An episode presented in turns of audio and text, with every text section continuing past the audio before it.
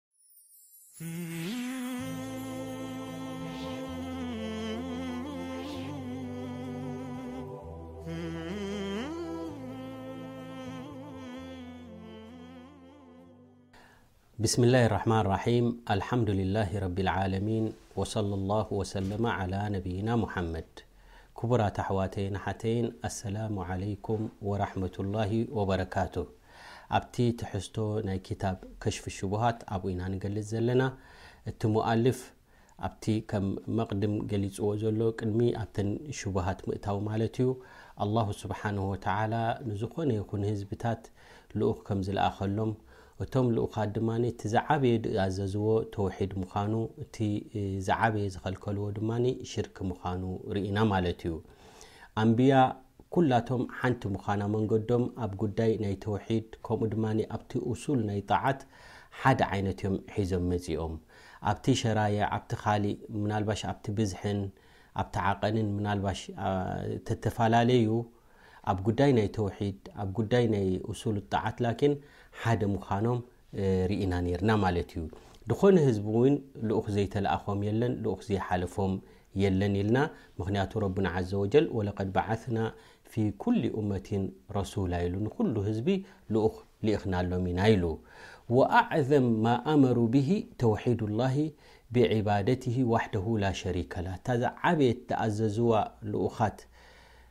እንተኣ ሒዞማ ድመጹ እንተደኣኢልና ድማ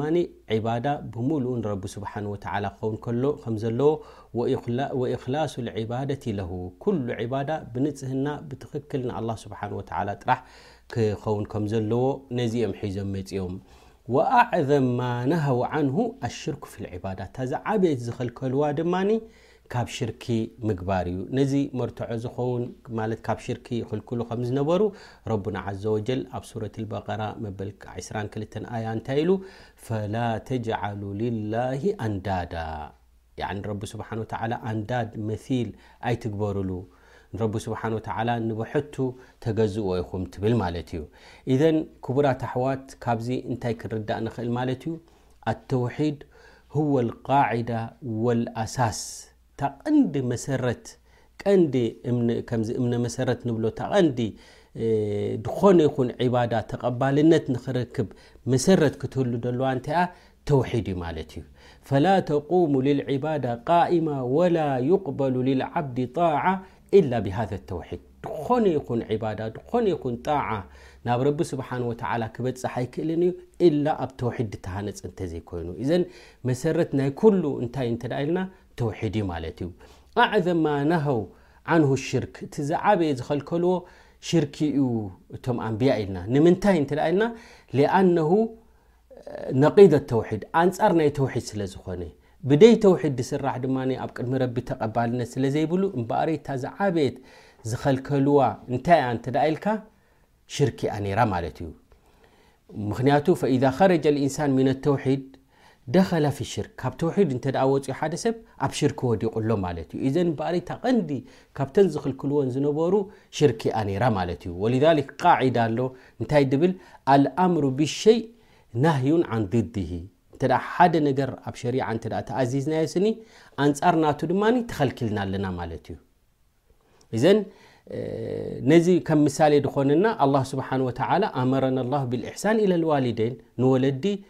ኢሕሳን ክንገብር ጽቡቕ ርክብ ክህልወና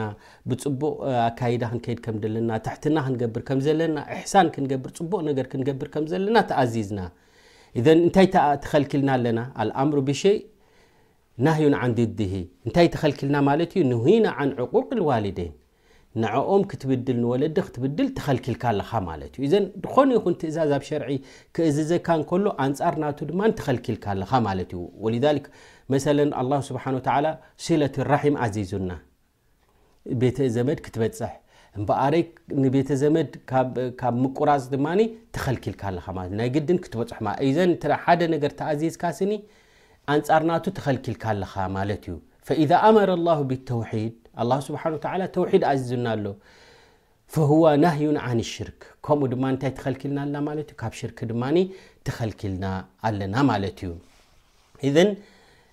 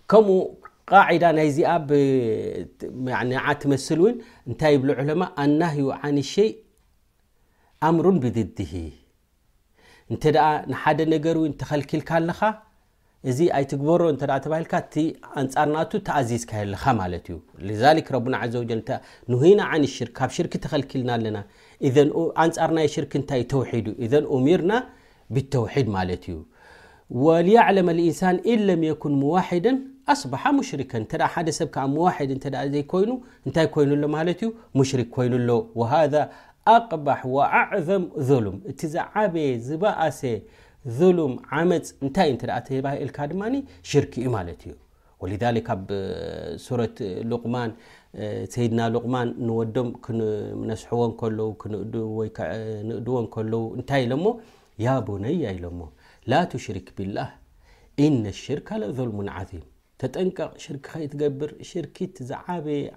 ያኒ ዓመጽ ሽርኪ እዩ ኢሎሞ እዘን ናይ ኣንብያ መጻውዒት ዝነበረ እንታይ እዩ እንተደኣ ኢልካ ናብ ተውሒድ እዩ ካብ ሽርኪ ድማ ይኽልክሉ ነይሮም ወቀድ ኣርሰለ ላሁ ተላ ኣሩሱል ልቃያ እምበኣነይ ነዚ ዓብዪ ዓላማ እዮም ልኡኻት ካብ ረቢ ስብሓን ወተዓላ ተላኢኾም ማለት እዮም ወሊኣላሁ ዓዘወጀል ወኣርሰለ ኣላሁ ጀሚዐ ኣሩሱል ሙበሽሪና ወሙንዚሪን ኩላቶም ልኡኻት ረቢ ስብሓን ወተዓላ ዝለኣኾም ዘጠንቅቑን ዘበስሩን እዮም ነይሮም ብምንታይ የበስሩ ተውሒድ ሒዙ ዝኸደ ሰብ መንገዲ ረቢ ዝሓዘ ጀና ኣለዎ እናበሉ የበስሩ ኣብ ሽርክ ዝወደቐ ብመንገዲ ናይ ሽርክ ዝኸይድ ሰብ እንተ ኮይኑ ድማ ጀሃንም ኣሎ ኢሎም ድማ የጠንቅቑ ነይሮም ማለት እዮም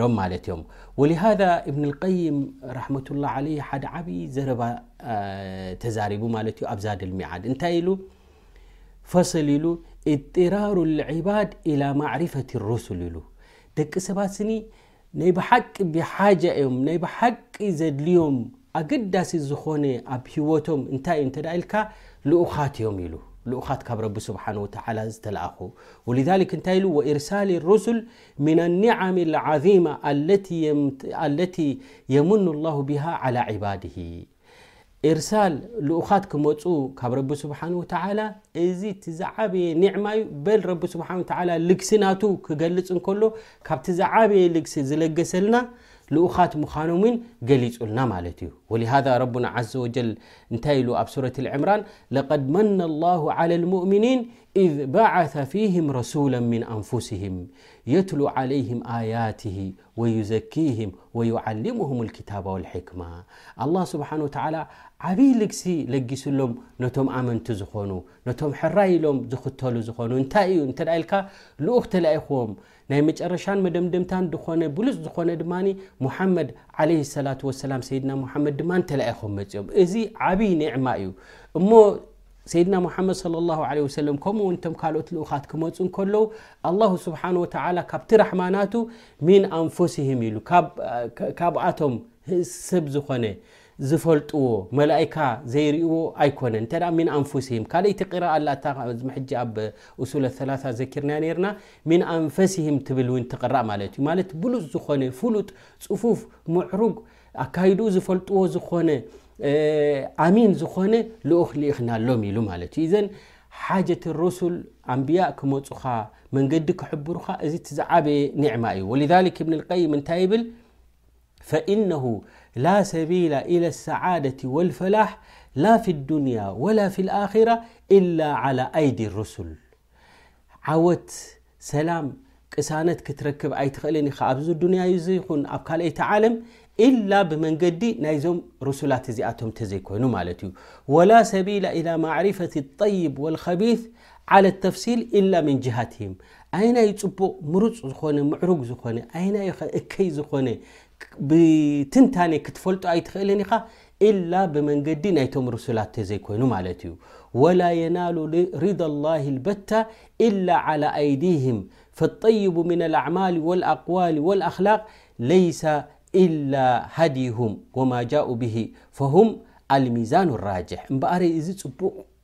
ምዕሩግ ንብሎን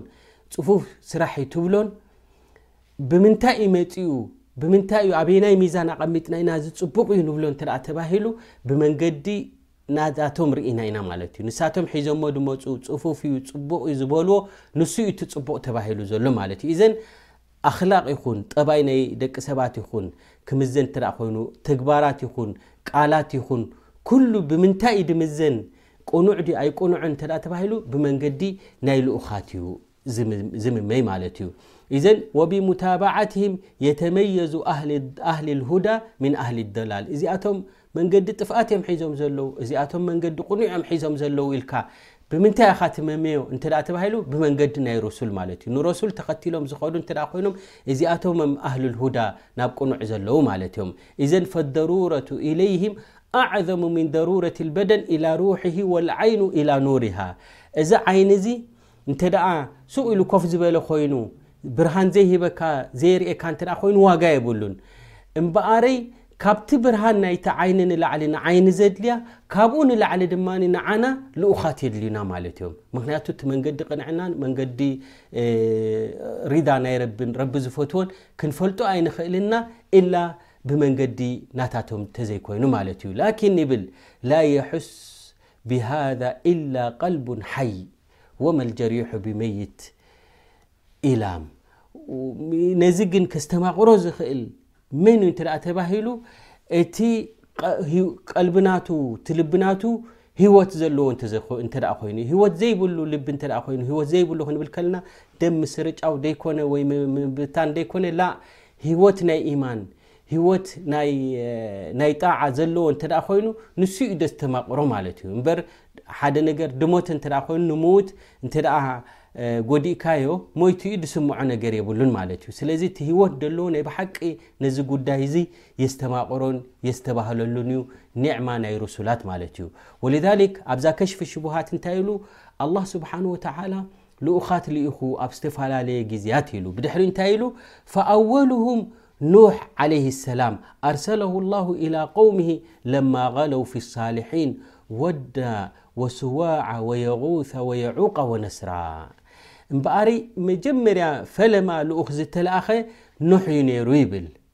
ምኽንያቱ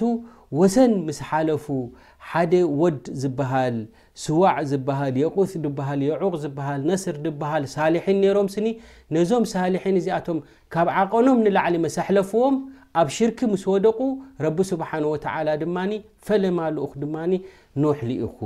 ይብል ኣብቲ ክታብ ወኣኪሩ ሩሱል ያዕኒ ኣኸረ ሩሱል ድማ ሁዋ ሙሓመድ ዓለይሂ ሰላቱ ወሰላም ናይ መጨረሻ ነብያትን መደምደምታ ናይ ልኡኻት ድማ ኣነቢ ዓለይሂ ሰላቱ ወሰላም እዮም ወሁወ ለዚ ከሰረ ሱወሩ ሃኡላኢ ሳልሒን ነቶም ጣኦታት ብኢዶም ውን ሰይሮሞም ኣነቢ ዓለ ሰላት ወሰላም ንረቢ ገዲፍካ ዘዕበዱ ዝነበሩ እዚ ኣብ ዮም ፈትሒ መካ ማለት እዩ እዘን መጀመርያ ልኡኽ ዝተላእኸ መን እዩ እንተ ተባሂልና ህዋ ኖህ ዓለይ ሰላም መርትዖ ናይ ዝኸኒ እንታይ እዩ እንተ ተባሂሉ ኣብ ሱረት ኒሳ መበል 163 ዘሎ ረቡና ዓዘ ወጀል እንታይ ኢሉ እና ኣውሓይና ኢለይካ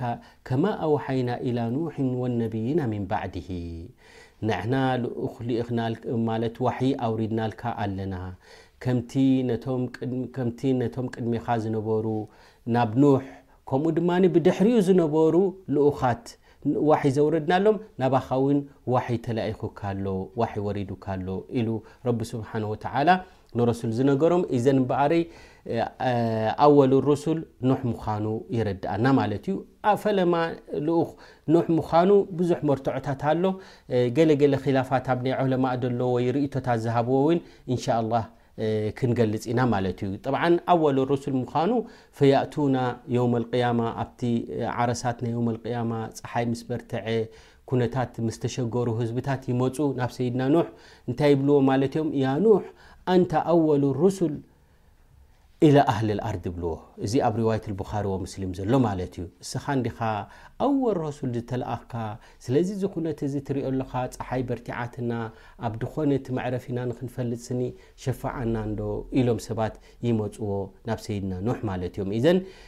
ኣወል ሩሱል ረቢ ስብሓን ወተዓላ ብሰይድና ኑሕ ተፈሊሙ ማለት እዩ ናይ መደምደምታ ድማ ብሰይድና ሙሓመድ ዓለ ሰላት ወሰላም ተደምዲሙ ማለት እዩ እንሻ ላህ ገለ እስትሽካል ኣሎ እብኒ ሓጀር ኣብ ክታብ ልፈትሕ ዝዘከርዎ ብዛዕባ ኣወል ሩሱል ዝብል